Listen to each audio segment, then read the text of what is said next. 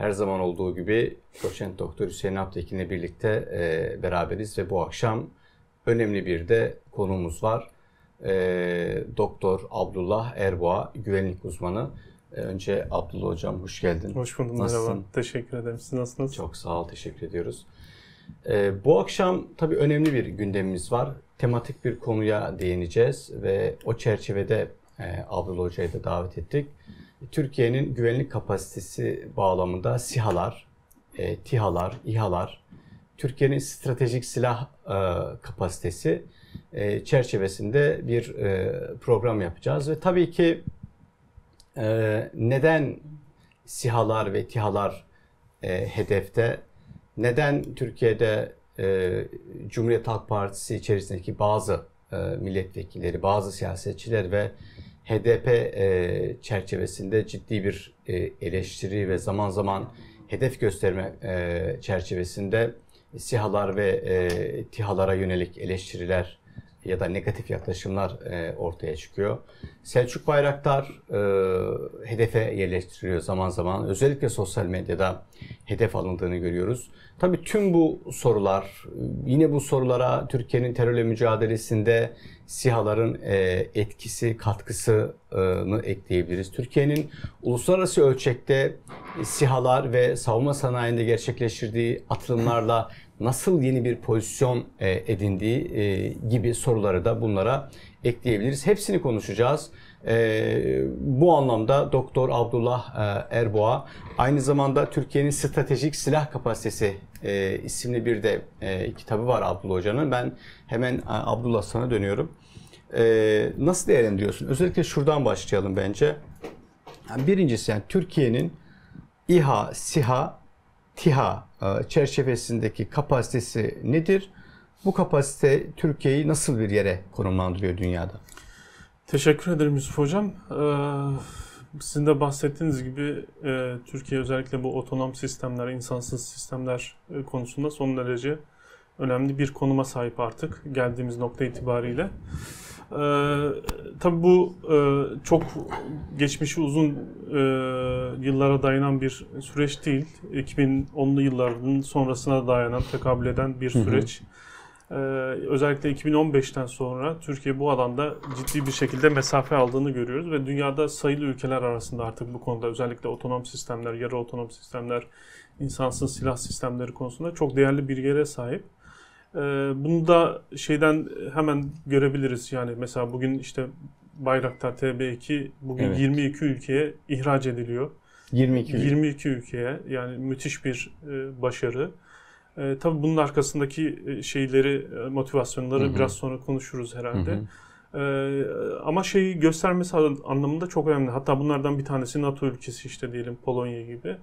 22 ee, ülkenin e, Türkiye'nin geliştirdiği bir silah sistemine talip olması ve bunu alıp envanterine koyması hı hı. gerçekten geçmiş Türkiye'nin işte hani derler ya işte e, Türkiye işte bir e, mermi üretebilecek kapasitede evet. değildi. İşte 74 Kıbrıs hı hı. harekatını hatırlayalım. İşte lastiklerimiz uçak lastiği bulamıyorduk. İşte cephane bulamıyorduk. İşte terörle mücadeleyi 90'lı yıllarda ki durumumuzu düşünelim. Hatta şöyle bir örnek vereyim ben. 90 ile 2002 2000 arasında Türkiye dünyada en fazla silah ithal eden ülke hmm. konumunda. Birinci sırada. Yani bugün baktığımızda işte 20. sıralarda falan. Ee, bu %70 bir yerlileşme e, tabii %70'in de üstünde. Yani işte %20'lerden %80'lere dayanan, hı hı. 70'lerin 70 küsürlerde e, seyreden bir yerlileşme oranı var. E, tabii bu geldiğimiz nokta itibariyle Türkiye'ye son derece avantaj sağlayan bir durum. Ben bu avantajları farklı kategorilerde ele alıyorum. İşte diyelim dış politika gibi, e, ekonomi politik gibi, ulusal güvenlik gibi, terörle mücadele bağlamında bu gibi farklı alanlarda bu yeni silah sistemlerimizin bize katkı sağladığı e, durumlar söz konusu. Tabi bazen strateji aracı e, belirler. Bazen araç stratejiyi belirler. Ee, mesela elinizdeki silah kapasitesi bazen politikanı yapılacağınız stratejiyi belirler. Bazen stratejiye göre siz silah sistemleri belirlersiniz. Sizin de bahsettiğiniz benim e, derleme kitabımda aslında bizim temel iki sorunumuz vardı. Bunlardan bir tanesi e, hangi silah sistemleri stratejiktir ve Türkiye bu stratejik silahlar içerisinden hangilerine yatırım yapmalıdır? Hmm. Orada da ilk sırada bizim otonom sistemler, silahsız, e, insansız silah sistemleri yer alıyordu. Tam burada Abdullah bir virgül koyalım istersen. Bu otonom sistemleri yine Tabii. sana geçince anlatırsın e, lütfen. Burada Hüseyin sana da aynı soruyu sorayım. Yani Türkiye'nin gelmiş olduğumuz noktadaki e, askeri silah kapasitesi ya da stratejik savunma e, durumu nedir? Nasıl değerlendiriyorsun? Şimdi Yusuf Hocam, e, Türkiye az evvel Abdullah Hoca bahsettiği üzere ciddi bir aşama kat etti burada. Bunu belki birkaç, e, bunun teknik detaylarını Abdullah Hoca zaten sundu ama belki bir iki anekdotla, bir iki böyle yaşanmış tecrübeler üzerinden de açabiliriz. Bunlardan bir tanesi şu. Mesela e, geçtiğimiz e, süre zarfında Türkiye, Azerbaycan'ın Karabağ'daki işgali sona erdirme operasyonuna diplomatik açıdan da askeri açıdan da hmm. destek sundu. Ve Türkiye'nin yapmış olduğu, ortaya koymuş olduğu teknolojik ürünler en başta da e, silahlı insansız hava araçları oradaki işgal güçlerinin darbelenmesinde, zayıflatılmasında ve böylece Azerbaycan kara ordusunun zırhlarının, mekanize birliklerinin ilerlemesinde çok önemli bir rol oynadı. Şimdi geriye gidelim. Ondan bir 30 yıl önceye filmi geri saralım. Hmm. E, bu topraklar işgal edildiğinde Türkiye ne yaptı? İşgal edilirken Türkiye ne yaptı? Maalesef hiçbir şey yapamadı. Hatta o zamanın e, Azerbaycan Devlet Başkanı Ebu Feyz Elçi Bey Türkiye'de seven bir isimdi. Ama sistem de etti. Bunun da görüntüleri var. Halen daha belki izleyicilerimiz bulabilirler YouTube'da gibi platformlarda. Ya yaralılarımızı taşımak için helikopter istedik. E, yani muharip helikopter değil. Gelecek sınıra yakın yaralı olan Azerbaycan askerlerini taşıyacak, nakledecek. Türkiye'ye gönderemedi diyordu. Hmm. Ama bir 30 yıl sonrasında aynı Türkiye bu sefer Rusya'yı da karşısına almak pahasına orada bir fiil kendi savunma sistemlerini, saldırı sistemlerini dost ülke, kardeş ülke Azerbaycan hizmetine sundu. Sattı. Sattı. Ama tabii ki bu silah satışları da aynı zamanda stratejik ilişkiler ortaya çıkarır. Hı. Yani her ülke parasını veren her ülkeye bu silahları sunmayabilir. Türkiye için de böyle. Türkiye'de dostlarına bunları verebilir. Rekabet içerisinde olduğu ülkelere vermeyebilir. Böyle bir Hani ticari anlamda da de şartlı satılıyor. Stratejik Satıyorum anlamda ama da şurada kullanamazsın deniyor. Tabii hani bu teknolojiye sahip olan ülkeler oyunun kurallarını da böylece koyabiliyorlar. Bu birinci anekdot olsun. İkinci anekdot da şu olsun. Yine Türkiye 80'ler, e, 90'lar hatta 2000'lerin başlarında da 2010'lara kadar maalesef çok ciddi derecede sınır karakollarına saldırı görüyordu. 300-500 kişilik PKK'lı militanlar sınırı aşıp yüksek tepelerden bizim yamaçlara konumlanmış yığma karakollarımıza ateş ediyorlardı. Roketlerle, tüfeklerle ve o yığma karakollar böyle tuz gibi darmadağın oluyorlardı. İçerideki askerlerimiz maalesef destek de alamadığı için 20 asker, 30 asker işte Aktütü'nde, evet, evet. Dağlıca'da, alanda şehit verdiğimiz zamanlar oluyordu. Şimdi kale kollar. Kale kollardan sonra tek bir şehidimiz yok. Ya insan buna çok üzülüyor Yusuf. Ya buralarda onlarca yıl biz şehit vermişiz. Ve sebebi ne? Sen oraya işte yığma karakol yapıyorsun. Konumu uygun değil. Etrafına hakim değil. Duvarları zayıf. Bildiğin ev camı, mesken camı koyuyorsun. Hmm. Ee, hatta evlerden bile daha zayıf belki. Tuğlalarla, yığma, çuvallarla falan bunu sen bir şekilde takip etmeye çalışıyorsun. Ama şimdi oralara, bu da çok böyle nasıl diyeyim, uzay teknolojisi gerektiren bir şey değil. Sağlam duvar yapıyorsun. İşte çelik alaşımlı duvarlar yapıyorsun kurşun geçirmez camlar koyuyorsun. Dışarının dışarına duvarlar, hendekler e, hazırlıyorsun. Ve tek bir şehit vermedik. 20'şer 30'ar şehit verdiğimiz o kar karakollarda. Artı oraya saldırı teşebbüslerinde PKK kayıplar vererek çekildi ve artık denemiyor bile. Hmm. Zaten Abdullah Hoca'nın bahsettiği SİHA'lar sayesinde, İHA'lar sayesinde artık 300-500 kişi imkanı yok zaten sınırlardan geçmeye teşebbüs etsin. Ama geçse bile karakollardan bu sefer saklanmak zorundalar, uzak durmak zorundalar. Ya bu iki Örnek bize şunu gösteriyor. Türkiye hakikaten de saldırı anlamında da savunma anlamında da güvenliğini artık kendi ellerine alabilecek bir pozisyona gelmiş. Bir virgül koyalım Hüseyin burada. Ee, güzel bir yere geldin. Abdullah şimdi bu otonom sistemler desen e, kalmıştık orayı anlatıyordun. Biraz teknik bir tabir tabii bizim için de izleyicilerimiz için de. Orayı biraz açar mısın? Türkiye'nin bu otonom otonom silah sistemleri bağlamında nasıl bir e, durumda olduğunu bize anlatır mısın? Aslında otonom demek Yusuf Hocam insan müdahalesinin minimum veya hiç olmadı. Normalde hiç olmadığı yani insan müdahalesinin hiç olmadı ama e, bunun minimum seviyede tutulduğu demek. Hatta yarı otonom dedikleri işte e, iniş kalkışın otomatik olup da işte füze fırlatılması konu- e, sürecinde işte insan müdahalesinin Hı hı. olması gibi çeşitli aşamalar da var. E, bunlardan önce ben Hüseyin hocamın bıraktığı yerden devam etmek istiyorum. Yani 90'lı Hı hı. yıllarda bu Azerbaycan Karabağ örneğini verdi ama bunu Türkiye'nin dört bir çevresinin içinde e, söyleyebiliriz. Mesela Bosna Savaşı'nda yeteri hava e, şeyimizin kapasitemizin olmaması sebebiyle Bosna Savaşı'ndaki o caydırıcı gücümüzün Hmm. olmayışından hep bahsedilir. Mesela e, yine terörle mücadelede bugün e, işte geçen hafta MIT'in yaptığı bir operasyon vardı. Süleymaniye'de işte e, şey Ferhat Derik kod Hı adlı hı. üst düzey bir PKK yöneticisi Yani şunu E, diyorsun? 270 Bosna Savaşı olduğunda Türkiye bu kapasitede olsaydı farklı bir durum mu olurdu? Veya çok uzağa gitmeyelim. İşte Arap Baharı sürecinde mesela Süleyman Şah Türbesi'ni şu anki kapasitemiz olsaydı acaba geri taşır mıydık? diye bir soru sorabiliriz yani bunu sadece bir Hı hı. soru anlamında. Dok- 90'lı yıllara da gitmeye gerek yok. Evet 90'lı yıllar bizim için çok acı tecrübelerle hem çevresel şartlar hem işte diyelim terörle mücadele bağlamında. İşte biraz evvel söylediğim Hı hı. MIT'in yaptığı operasyon. Yani bunu bu çok önemli bir gösterge. Yani 200 270 kilometre değil mi? 75 kilometre derinlikte yapıyor bu operasyonu. Ee, Hüseyin Hocam'ın bahsettiği bizim e, işte bu Aktüt'ün diğer bütün karakollar kendi sınırlarımız içerisinde yani biner kişilik gruplar bu sınırlardan o dağ silsilesi süresince Kuzey Irak'tan başlayıp Kandil'den işte bizim ta Tunceli'ye kadar yukarıya kadar çıkan dağ silsilesinde çok rahat bir şekilde hareket Evet. edebiliyor bu unsurlar. Ama şimdi askeri teknoloji başka bir yere gitti ve bu Türkiye burada çok erken davranan ülkelerden bir tanesi. Yani bu askeri teknoloji konusunda biliyorsunuz yani son 200 yıllık hikayemizdir bizim hep askeri teknolojide geri kalmak. Türk Ve modernleşmesi Modernleşmesinin aslında de bir şeyidir. En bir acı askeri modernleşmedir. Yani evet. öyle başlıyor. Ve orada da başlıyoruz. hikaye genellikle olumsuzdur. Ee, ve bütün hikayemiz bunun üzerinden döner.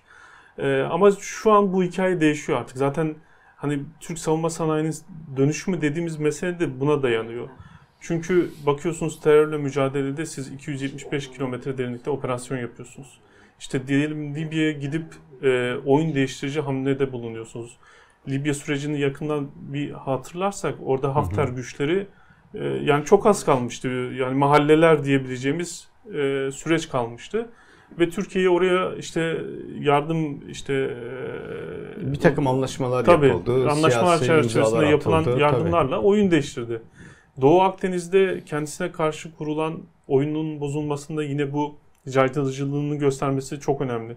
Keza işte son zamanlarda görüyoruz Ukrayna'da mesela. Bu caydırıcılık nedir? Yani orayı biraz bize anlatır mısın? Tabii ne şu- var Türkiye'deki caydırıcı olabiliyor? Şu mesela işte çok basit e, bizim mesela SİHA e, işte diyelim elimizdeki hı. askeri teknoloji SİHA, İHA, TİHA e, kapasitesi artık mesela işte PKK'nın üst düzey yöneticileri elini kolunu sallayarak bırakın Türkiye içine girmeyi Hı hı. Irak'ın derinliklerinde bile hareket edemiyorlar. Hatta dışarı bile çıkamadıkları söyleniyor. Hı. E, çünkü hani biliyorsunuz e, şemsiye ile bu işi kotarmaya Eskiden çalışıyorlar. vardı değil mi? Şemsiye. Evet şemsiye ile hani Hmm. İHA'lardan Yağmurluk.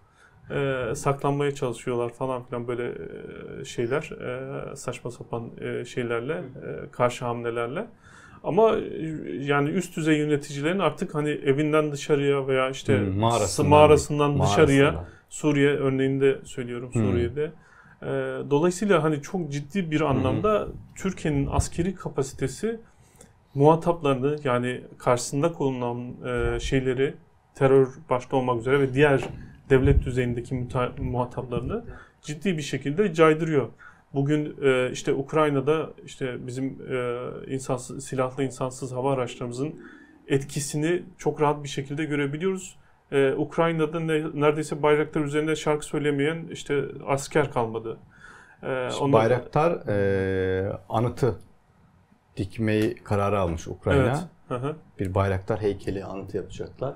Yeni bir klip de çekmişler şimdi. Bir klip çekmişlerdi böyle bir Bayraktar şarkısı üzerine. Şimdi ikinci bir şarkı daha Evet. gelmiş. Evet. Bir de Bayraktar isimli e, içecekler piyasaya sunulmuş. İçecek Hı hı. diyelim biz. Biraz da abarttılar İzleyicimiz galiba. içeceği, izleyicilerimiz içeceği anlıyordur. Ya tabii hani o şimdi çok varoluşsal bir savaş yürüttükleri ve bu savaşta işte e, kendilerine e, destek sağlayan son derece stratejik bir silah olduğu için oldukça şey hani Hı hı. e, minnettarlar e, sanıyorum bu konuda. Ama hani dediğim gibi Türkiye'nin dört bir yanında bu caydırıcı etkiyi görebiliyorsunuz. E, doğrudan muhatap olanlar işte diyelim do- e, bir Ege sorununda işte Yunanistan şu anda e, İHA SİHA'lara karşı ve TİHA'lara karşı ne yapabiliriz sorusunun her gün sorulması bu bizim için gerçekten çok önemli. Çünkü hani işte 90'lı yılları yine hatırlarsanız Türkiye ile Yunanistan arasında askeri kapasite bağlamında çok e, hani Yunanistan e, bize üstünlük sağlayabilecek bir güç değil ama en azından caydırıcılık anlamında Hı hı. şu an daha e, Yunanistan hani bir O frene basma Evet, konusunda orada daha şeyli. şöyle bir durum vardı. Yani işte e, küresel güçler Türkiye ve Yunanistan'ın birbirini dengeleyecek şekilde silah kapasitesini Evet. E, tutuyorlardı. İşte biraz Türkiye veriyorlardı, biraz Yunanistan'a veriyorlardı. Birbirine karşı denge unsuru gibi bu uygulanıyordu. Ama şimdi e, Türkiye kendi savunma sanayinde hamle yapıp kendi ürünlerini, ihtiyaçlarını kendisi üretmeye başladıktan sonra oradaki dengeler tersine dönmeye başladı. Bu sefer de Fransa ve Amerika başka bir e, yoğunlukta Yunanistan'a yardım Burada da sürecini siyasi geliştirdi. irade yani Sayın Cumhurbaşkanımızın iradesinin e, hakkını teslim etmek gerekiyor. Çünkü bu büyük oranda e, Sayın Cumhurbaşkanımızın Hı hı. yerli ve milli bağımsız bir savunma sanayi kurulması iddiasının ürünü. Yani bugün geldiğimiz e, şey e, aşama bu iradenin doğrudan sonucu. E, şöyle söyleyebilirim. e, biz bu siyasi irade olmasaydı Hı hı. işte 90'lı yılları hatırlayalım. Birçok proje var ama bunların hayata geçirilmesi, bunlara kaynak aktarılması, bunların güçlü bir şekilde ayakta durması son derece zor. Çünkü biliyorsunuz uluslararası silah sektörü e, çok e, Evet. her işte özellikle Amerikan menşeli firmalar yani sizin yerli milli bir şey üretmemeniz için e, ellerinden geleni ardına koymuyorlar ki mesela SİHA İHA'larda bile bize göz mercek Kanada'nın yaptığı, Avusturya'nın yaptığı vermiyorlar. Hani e, İngiltere'nin bize uyguladığı ambar bir de görün Onlar burada mı yapılıyor artık içeride mi Tabii yapılıyor? onların hepsi mesela mercekler, göz, işte kamera sistemleri falan yerli olarak üretebiliyoruz. Ee, burada mesela görünen ambargolar var. Bize doğrudan yapılan ambargolar var. Bir de görünmeyen gizli yapılan ambargolar var. Dolayısıyla hani bu bugün Türkiye'nin hani biraz evvel söylediğim hani dış politikada, ulusal güvenlikte, terörle mücadelede çok güçlü bir duruş sergileyebiliyorsa ve Cumhurbaşkanı bu alanlarda elindeki güçlü bu savunma sanayinin şeyini hissedebiliyorsa bu tamamen bağımsızlığımızdan kaynaklanıyor. Yani bugün diyelim savunma sanayi anlamında bir bağımlılığımız devam etseydi belki de bu alanların hiçbirinde bu kadar otonomimizin eee, daha ağır olacağını belki de görmeyecektik. Daha burada sorunlar yaşayabilecektik. Ee, teşekkürler Abdullah. Siyasi irade kısmına e, yani siyaset kısmına geçeceğiz. Yani Abdullah e, da vurguladı. Ama önce Hüseyin istersen sen de bir bu Türkiye'nin işte şu anda elinde yani kendi ürettiği, kendi imkanlarıyla ürettiği e, İHA'lar var, e, SİHA'lar var. Şimdi TİHA'lar da var. Belki Abdullah bunların teknik kapasiteleri anlamında bize bir bilgi verebilir birazdan ama ee, ben hep şeyi e, anlatmaya özen gösteriyorum. Türkiye'nin Afrin operasyonunda e, işte Fransız AFP ajansı olsun veya PKK'ya müzahir diğer işte yayın organları olsun şöyle bir yalan ortaya attılar. İşte Türkiye Afrin hastanesini vurdu ve şu şekilde zayiatlar oluştu diye. Tabii bu yalan bir e, içerikti. Fakat Türkiye orada Hani biz anlatıyoruz ya bu işte İHA'lar, SİHA'ların nasıl etkisi oldu. Türkiye orada İHA'ları uçurdu. Afrin Hastanesi'nin görüntüleri e, kaydedildi. Sıcak görüntüler. Ve bu görüntülere bakıldığında Türkiye'nin Afrin Hastanesi'ni vurmadığı, e, her şeyin yerli yerinde olduğu çok net bir şekilde e, ortada olduğu görülüyordu. Ve sonra bu yayın, bu görüntüler e, işte Türkiye'nin e, kamusal ajansları tarafından, işte Anadolu Ajansı tarafından, e, TRT tarafından hem yurt içinde hem de farklı dillerde yurt dışında ve sosyal medya hesapları üzerinden yayınlandı. Dolayısıyla Türkiye'nin burada yeni süreçte elde ettiği kapasite, işte o hem sert gücü kullanabilme hem de bunu yumuşak gücü aracılığıyla bütün dünyaya servis edebilme durumu bizim karşımıza çıktı. Bunu ben hani çok önemsiyorum ikisinin bir arada e, olmasını. Burada sen e, Hüseyin bu Türkiye'nin terörle mücadele sürecinde askeri kapasitesinin artmasını biraz daha açarsak nasıl bir e, tablo görüyorsun? Şimdi Yusuf tabii e, sorunun ilk kısmı önemli. E, oradan başlayalım. Artık savaşlar sadece e, yani muharebe alanında icra edilmiyor. Senin uzmanlık alanın belki de o yüzden buradan girmiş oldun sen de. Savaşların iletişimi de çok önemli.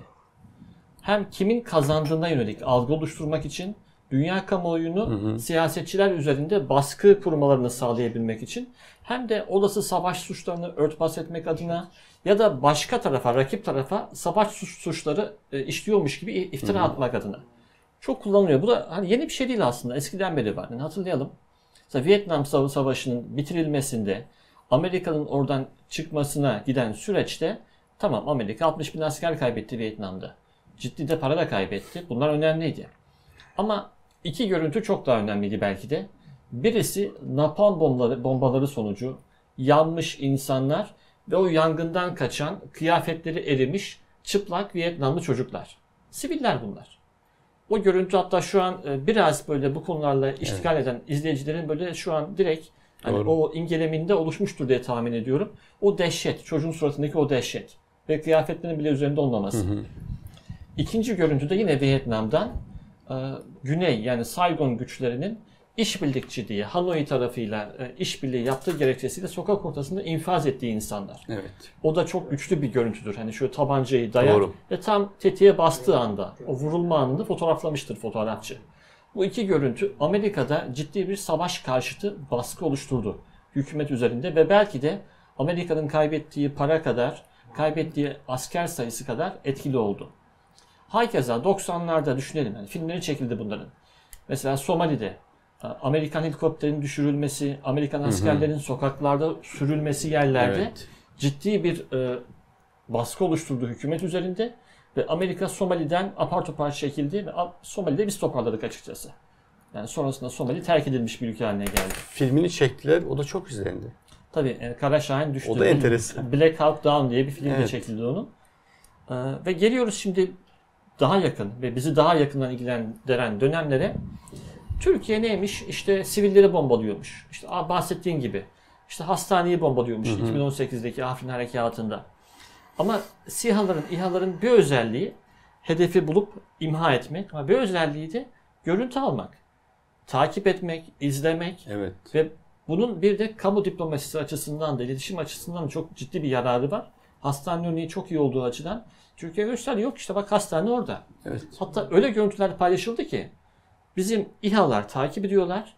İşte e, ne diyelim Doçka tarzında uçak savar bir silah kamyoneti yüklemişler Afrin'de ve siviller var etrafta vurmuyor bizim SİHA'lar. Takip ediyorlar. Tabii Kilometrelerce.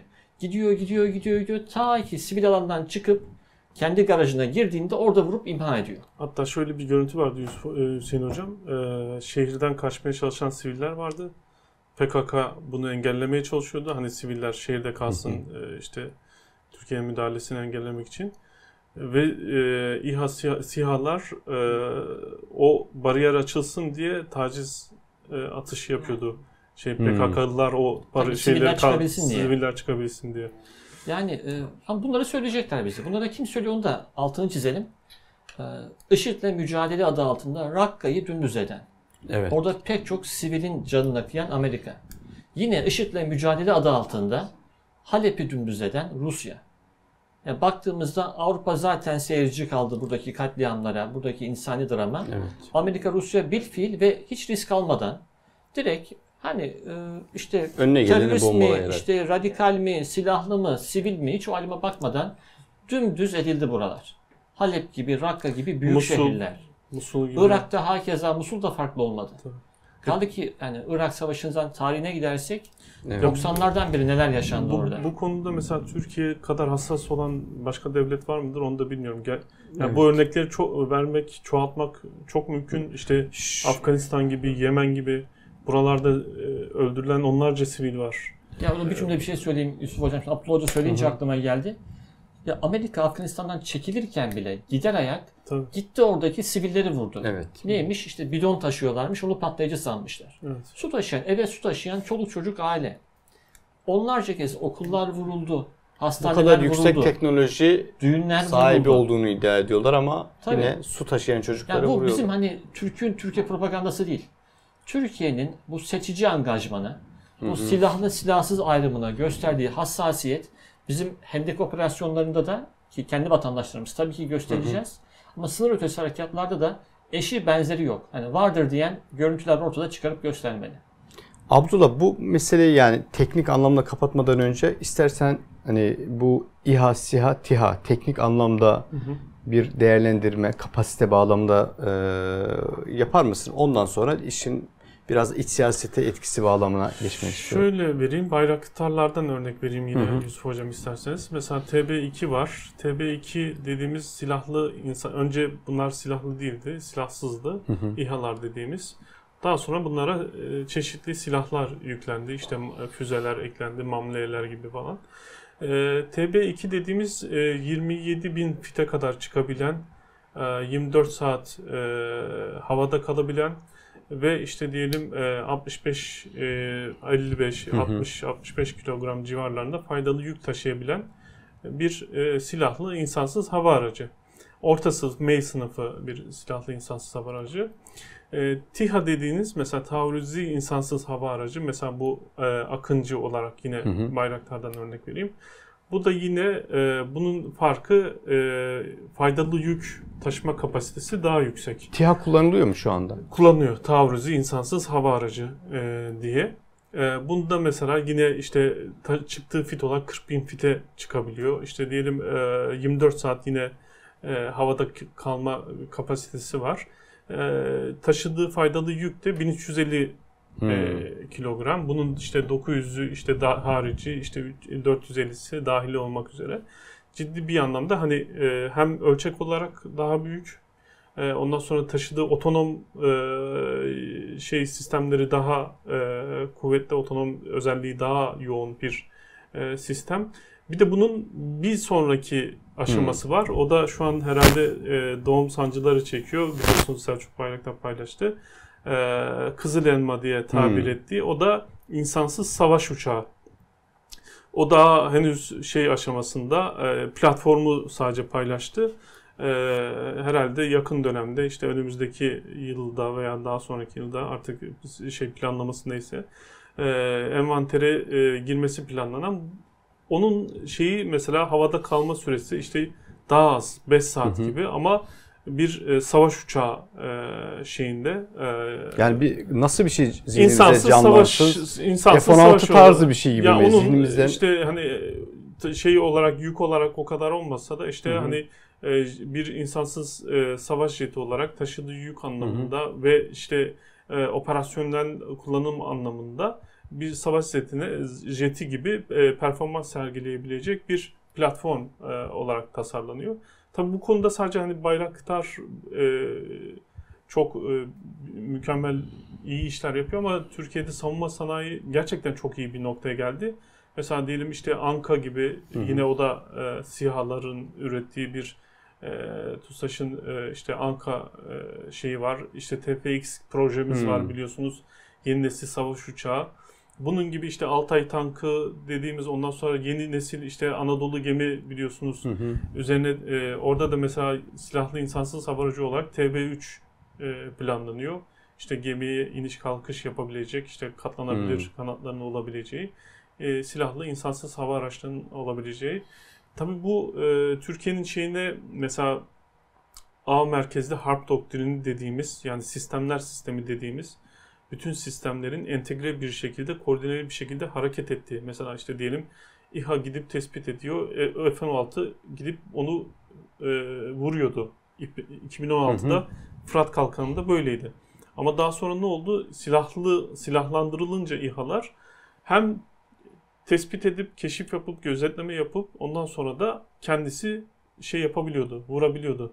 Ee, dolayısıyla mesela hava, kara, deniz ve işte diyelim uydu uzay teknolojilerin birlikte entegre bir şekilde A merkezli harp doktrini dediğimiz mesela operasyonel anlamda birbiriyle eşgüdüm içerisinde olan sistemler. Tabi bunlar bir, bir alanda çok iyi işler yapıp diğer alanını hı hı. eksik bırakamazsınız. Bunların hepsinin birbiriyle çünkü sistemler sistemi hmm. deniyor bunların. Bu sistemlerin hepsinin aynı anda efektif bir şekilde, verimli bir şekilde e, hareket etmesi gerekiyor. Türkiye şu anda bunu iyi organize edebildiği ve sürekli üstüne koyan koya bir koya. süreç var Tabii. gibi. Yani bu, bu da çok önemli. Görünüyor. Mesela işte işte bir yerde durmadı tabii bu. TB2'yi yapıp veya Anka'yı yapıp bırakmıyorlar. İşte bunun daha bir, bir üst aşaması, bir üst aşaması işte savaş jetine göre veya TPX hı hı. projesinin olduğu gibi işte yeni nesil savaş uçağı projesinde olduğu gibi. Tabii Türkiye'nin önünde şu şey meselesi var yani e, siz de yakından takip ediyorsunuz. F-16, F-35 e, meselesi var. Bu mesela bizim e, bahsettiğimiz sistemlerin tam anlamıyla devreye girmesi 2030'ları belki de bulacak. Bu süre içerisinde yani 2023-2030 arasında da bize bir bu anlamda hava gücü anlamında e, lazım olan şeyler var. İşte Amerika ile yürüttüğümüz müzakerelerde biraz da bu e, eksikliğe binaen yürüyen evet. işler. Ya şimdi Türkiye tabii e, çok gelişti aslında bu alanda. Hı hı. Yani 2002'deki Türkiye'nin işte savunma sanayinin ihracattaki payına baktığımızda işte 2 milyar dolar civarındaki rakamlardan bahsediliyor toplamda. Hani ciro olarak. Ee, işte 2021 olarak baktığımızda 11-12 milyar dolardan bahsediliyor. Yani ve şirket sayıları, teşvik oranları vesaire açısından da çok ciddi bir şey var, artış var. Senin o bir önceki konuşmanda altını çizdiğin siyasi irade meselesinin burada tekrar altını çizmek lazım. Hüseyin burada sana şunu sormak istiyorum.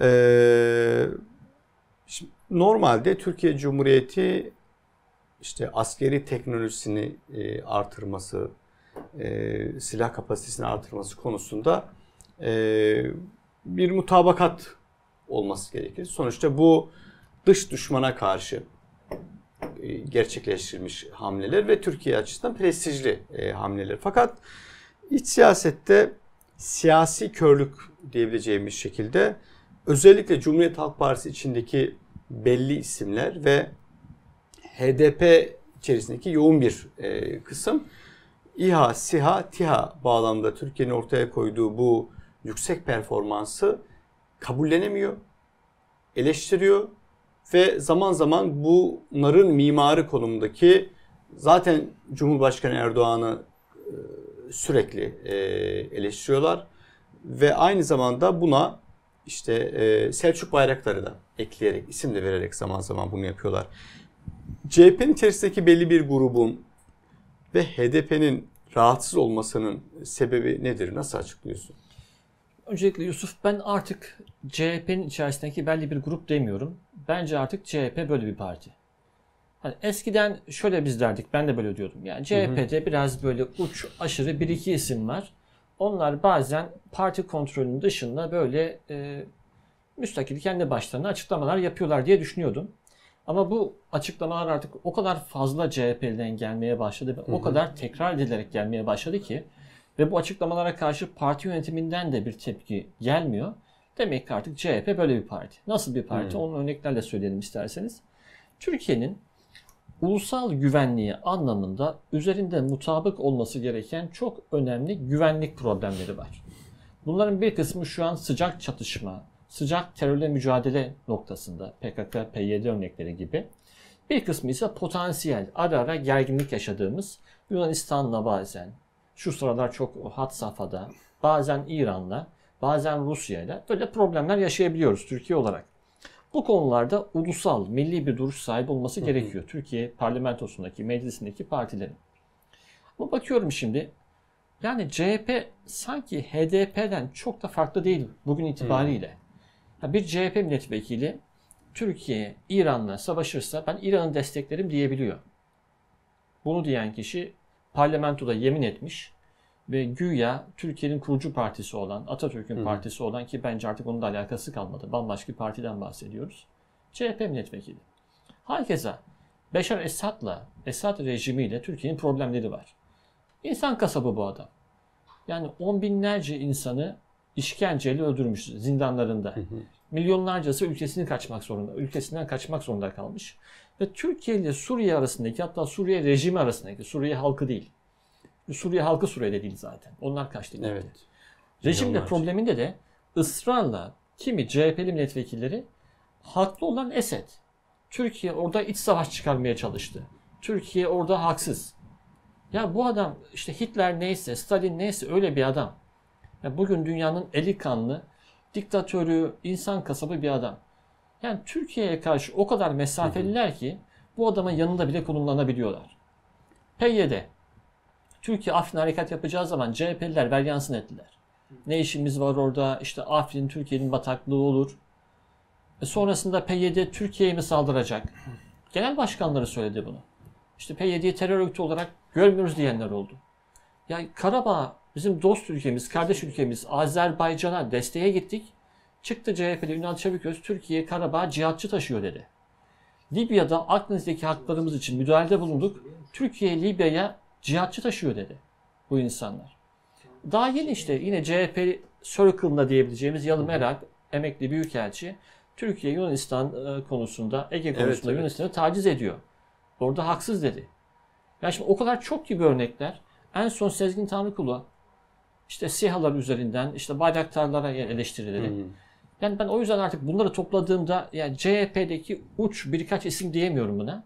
CHP böyle bir parti. Bunu kabul edeceğiz. Bununla yaşayacağız. Yani CHP ile HDP'nin Türk dış politikasında, Türkiye'nin terörle mücadelesinde aslında artık kategorik olarak bir farkı kalmadı. Ve durum bu.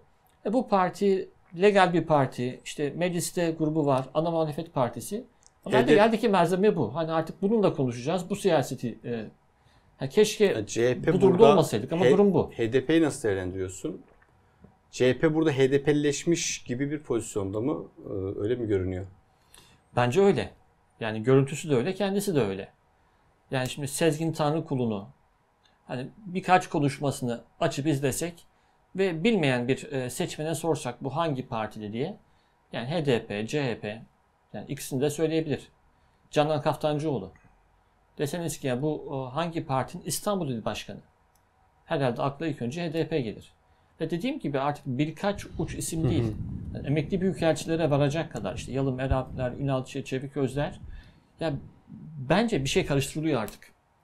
Yani AK Parti bugün Türkiye'nin güvenlik politikasını, hocamızın bahsettiği bu güvenlik sistemlerini inşa ettiği için AK Parti'ye muhalefet Türkiye'nin güvenliğini muhalefete döndü. Bunun farkındalar ya da değiller bilemiyorum. Ama bu açıklamalar hani e, işte Atatürk'ten alınan bir partiden duymayı bekleyebileceğimiz açıklamalar değil. Burada yani e, süremizin de sonuna doğru yaklaşıyoruz. E, Abdullah yani belki seninle bitirmiş olacağız. Şöyle bir durum da ortaya çıkmış oluyor.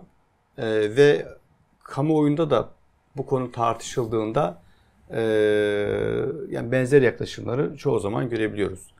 Yani Türkiye'de e, işte İHA, SİHA, TİHA e, üretilmesi bu bir tarafa bir de bunların e, Türkiye'nin işte çıkarları doğrultusunda yoğun bir şekilde kullanılması bir tarafa. Bu çıkarlar içerisinde biz terörle mücadeleye ekliyoruz. İşte dış politikadaki o Libya, Karabağ e, vesaire siz de örnekler verdiğiniz caydırıcılığını e, buraya ekleyebiliyoruz.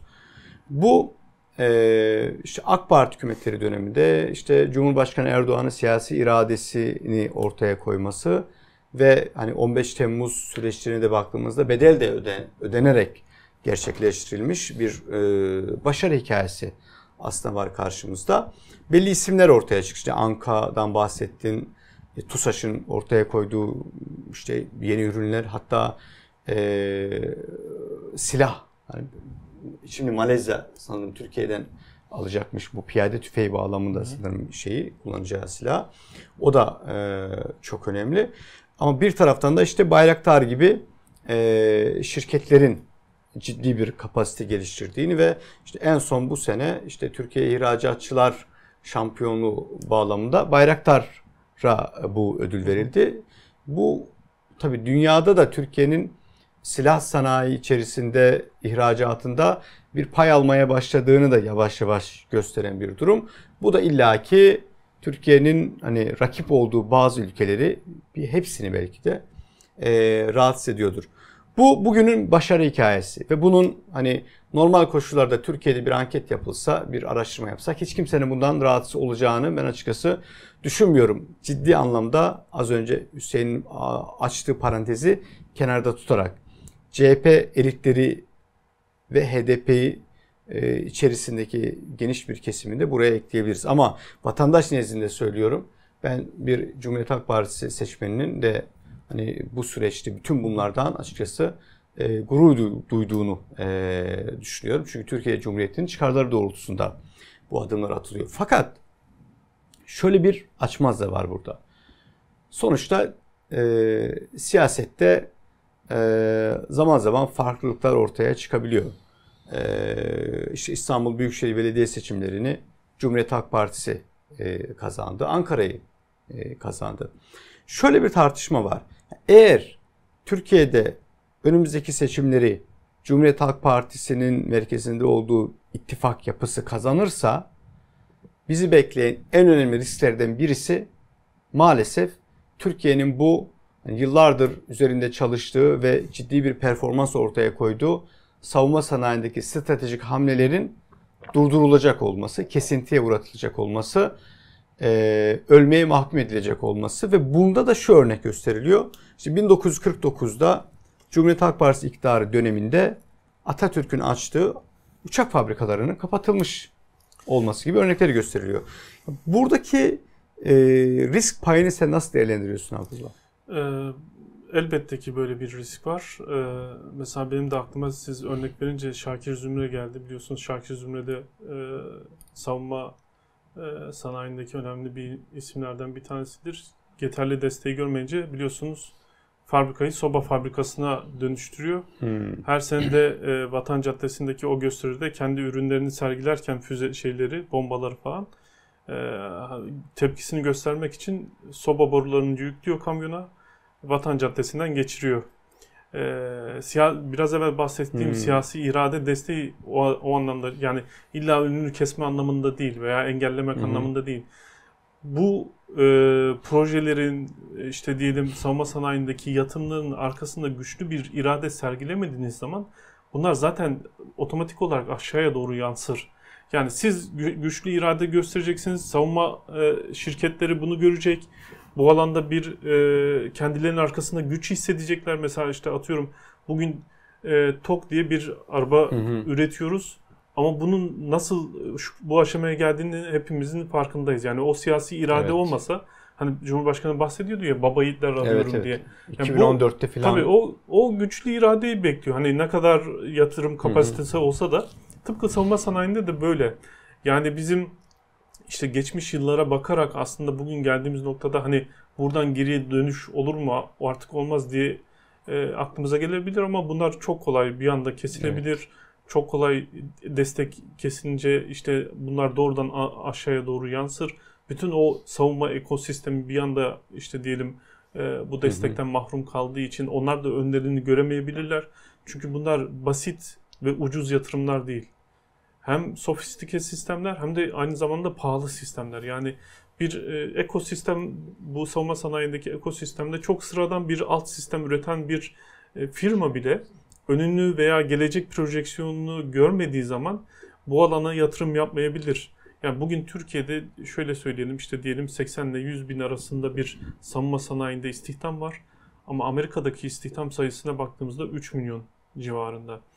Ee, mesela bugün itibariyle Türkiye'nin dünyadaki biliyorsunuz liste açıklanıyor her yıl. Hı hı. Türkiye'den 7 firma e, yıllar yıllara göre değişiyor biliyor ama 7 tane şirket dünyadaki ilk 100 arasına girebiliyor savunma sanayi alanında. Bu en önemli iyi, bir şey. En iyi 100 şirketi arasında 7 tane Türk firması, Türk şirketi var. Bu çok önemli bir şey yani hiç e, işte hani adımızın geçmediği, geçmediği yerler. yerlerden bugün işte Türk savunma e, sanayi ihracatı 4 milyar doları buluyor bulacak belki de bu sene toplam civarında sadece ihracatı 4 milyar dolar civarında. E, bu rakamlar e, hani bize şu an Hı hı. E, 4 Kolay milyar dolar kolay gibi görünebiliyor ama gerçekten zor. Evet. E, çünkü hani uluslararası küresel silah pazarı gerçekten devlerin olduğu bir pazar. E, ve siz bu pazarda yeni askeri teknolojilerle yer almaya çalışıyorsunuz ve bunun adı aynı zamanda bir savunma diplomasisi de oluşturuyorsunuz. Yani Hı hı. işte Baykar'ın 22 ülkeye silah satıyor, sistem satıyor. Bu aynı zamanda bu ülkelerle savunma diplomasisinin de gelişmesine zemin hazırlıyor ve katkı sağlıyor. Bu ülkelerle işte diyelim Kazakistan'da, Katar'da, diğer birçok Afrika ülkesiyle. E, hatta bırakın bunları İngiltere bile e, bizim SİHA'larla ilgilendiğini açıklayan Evet. e, çeşitli şeyler, beyanatlarda bulundu. Özellikle bu Ukrayna Savaşı'ndan Tabii. sonra Avrupa'da ciddi Tabii. anlamda dikkat çekti. Dolayısıyla geldiğimiz alan. nokta e, çok zor kazanılmış bir nokta. Ama hani e, şairin de dediği gibi hani Mimar Sinan'ın bir balyoz e, ver eline Süleyman Evet. e, hani kaybedilmesi de e, çok kolay olabilir. O yüzden e, bu siyasi iradenin desteği son derece önemli. Ne diyor? Hadi gel yapalım Evet. e, dersen bir Mimar Sinan gerek. Ama yıkmak için bir balyoz, Bir balyoz yeter. Bir- bir, bir yeter. kazma yeter gibi e, bir ifade. Yani hakikaten iyi bir noktada bitirdin Gerçekten. Abdullah. Gerçekten de bu şey mısralar tam özetliyor meseleyi. Yani e, geri gitmez meselesi diye bir şey yok. Aslında siyasi irade olmadığında, Tabii. destekleri verilmediğinde savunma sanayi kendi başına ayakta durabilecek, kendi kendiliğinden olabilecek bir e, süreç değil ve bu yaşanan e, Ki Şakir Zümre gibi de bir önümüzde. örneğimiz Uçak önünde. fabrikalarının kapatılması Tabii, meselesi önümüzde. Nuri Nuri Killigil meselesi. Çok 1950 öncesinde orada Hı hı. e, çok örnek var aslında. Tabii. e, baktığımızda zaten sonraki süreçte de hiç kimse bu bu alana girmeye belki cesaret edemedi. Rahmetli Erbakan'ın hani o vecizeleşmiş sözü var ya yani bütün mesele Türkiye'nin şeftali üretmek yerine Motor. makine ya da motor Hı. üretmek istemesiyle Evet. e, oluyor ve o olduğunda da darbeler oluyor. İşte bir takım siyasi yasaklar oluyor. E, algı operasyonları oluyor ve sizi mahvediyorlar. İçeride de bu anlamda işte FETÖ vesaire ciddi bir ne diyelim bir ajan Belki de e, tam da bu noktada koyuyor. hani siyasi işte CHP, HDP e, ve yurt dışındaki ya işte belli kesimlerin rahatsızlığının sebebi tam da bu. Yani Türkiye'nin otonomisini katkı sağlayan en önemli şeyler maddelerden bir tanesi bağımsız bir savunma sanayinin olması. Bu Türkiye'nin otonomisini son derece kuvvetlendiren bir çarpan kuvveti. Dolayısıyla da bu rahatsızlıkların bu muafillerde Hı hı. oluşmasının nedenlerinden bir tanesi de bu. Evet. E, Hüseyin burada bitiriyoruz. Vaktimizin de sonuna Bence gayet de geldik. güzel bir noktada bitiriyoruz. Güzel oldu. Abdullah çek- tekrar çok teşekkür ben ediyoruz. teşekkür ederim davetiniz Ee, için sağ olun. Değerli izleyenler bugün e, Türkiye'nin stratejik askeri silah kapasitesini e, konuştuk. Güvenlik uzmanı Doktor Abdullah Erboğa e, konumuz oldu. Kendisine bir kez daha çok teşekkür ediyoruz. Önümüzdeki hafta başka bir yayınla e, inşallah yeniden görüşmek üzere. İyi akşamlar, hoşçakalın.